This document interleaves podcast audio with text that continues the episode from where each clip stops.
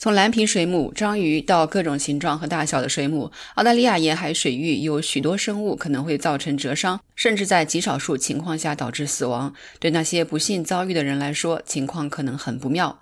澳大利亚目前正处于毒刺季节，近期在坎斯附近报告了伊鲁康级水母的折伤事件。悉尼和珀斯发现了蓝环章鱼，而蓝瓶水母也在一个不寻常的地方出现。专家表示，有必要采取更多措施，提高对这些危险的认识，并管理毒刺的风险。虽然只有指甲大小，但伊鲁康吉水母可以引起极大的痛苦。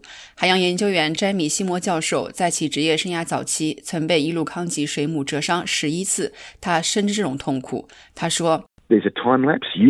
有一个时间间隔，通常在二十到三十分钟左右。然后你从感觉良好到恶心、呕吐、全身剧烈的抽痛，还有一种即将发生严重问题的感觉，就像有什么事情要出严重问题一样。痛苦逐渐加剧，你设法控制住了，然后又上升一个层次。随后你控制住了，以为情况不会再糟糕，然后它又上升到另一个层次。这些微小的半透明的水母带着柔和闪烁的触手，每年在澳大利亚造成约一百五十到两百次蛰伤事件，大部分发生在昆士兰州北部。大多数受害者经历了极度痛苦和被称为伊路康吉综合症的轻微精神症状，随后逐渐康复。但约百分之二十的人最终需要住进重症监护室，出现心脏问题。对一些人来说，痛苦是如此剧烈，以至于他们会被诱导或陷入昏迷。在澳大利亚已确认有两例死亡，但专家表示真实数字可能更高。它们随着热带水域的洋流被冲向澳大利亚的北部海岸。每年夏季与臭名昭著的致命箱型水母一同出现。自有记录以来，箱型水母已经造成了约八十人死亡。但詹姆斯库克大学的詹米西摩副教授表示，这些模式可能正在发生变化，与气候变化引起的海水变暖相关。他说：“There seems to be more and more.” People being stung around the Fraser Island area. 在弗雷德岛地区被蛰的人似乎越来越多。从历史上看，当我们看蛰伤的数量时，过去十五到二十年里，他们在南部的分布逐渐增加，但数据真的很模糊，很难搞清楚。我们知道的是，这些水母的季节长度急剧增加，因此在二十世纪六十年代初，在凯恩斯地区，季节长度可能是一个月到一个半月。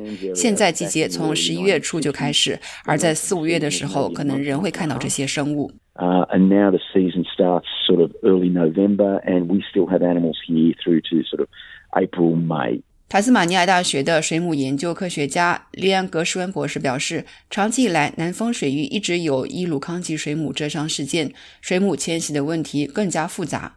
他说。自一九五零年代以来，我们就在弗雷德岛附近发现伊鲁康级水母蛰伤事件。事实上，一百多年来，我们在弗雷泽岛以南也发生了伊鲁康级水母的蛰伤。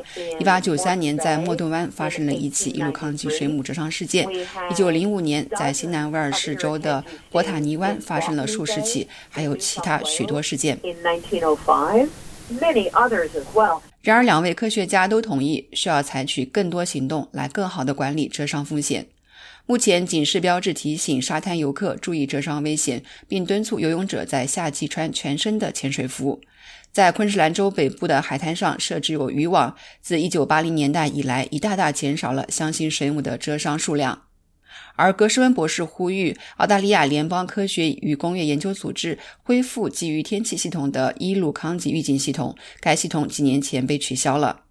西摩教授则建议开发一款应用程序，通过二维码提醒游泳者毒刺危险以及如何避免和治疗它们。他说。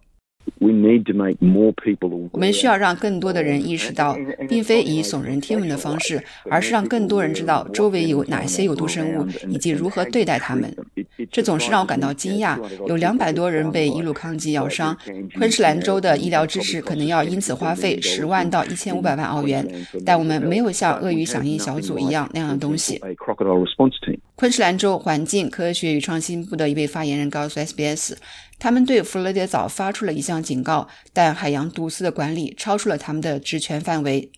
他们建议 SBS 联系昆士兰州冲浪救生组织，但对方没有回复 SBS 的询问。昆士兰州旅游局、昆士兰州旅游业委员会和大堡礁海事局也无法取得联系。格什温博士表示，政府和旅游业需要更加认真地对待这个问题。他说。人们去海滩是为了度过一个愉快而安全的时光，他们只是想好好享受。他们不是危险水母的专家，他们不知道该怎么看待，他们甚至可能不知道耶鲁康济水母会在他们游泳的海滩出现。他们应该得到更好的对待，而不仅仅是安慰性质的“你会没事的”。他说，昆士兰州的相信水母数量在今年的热带气旋贾斯伯和强烈风暴中并未减少，这表明数量可能实际上更高。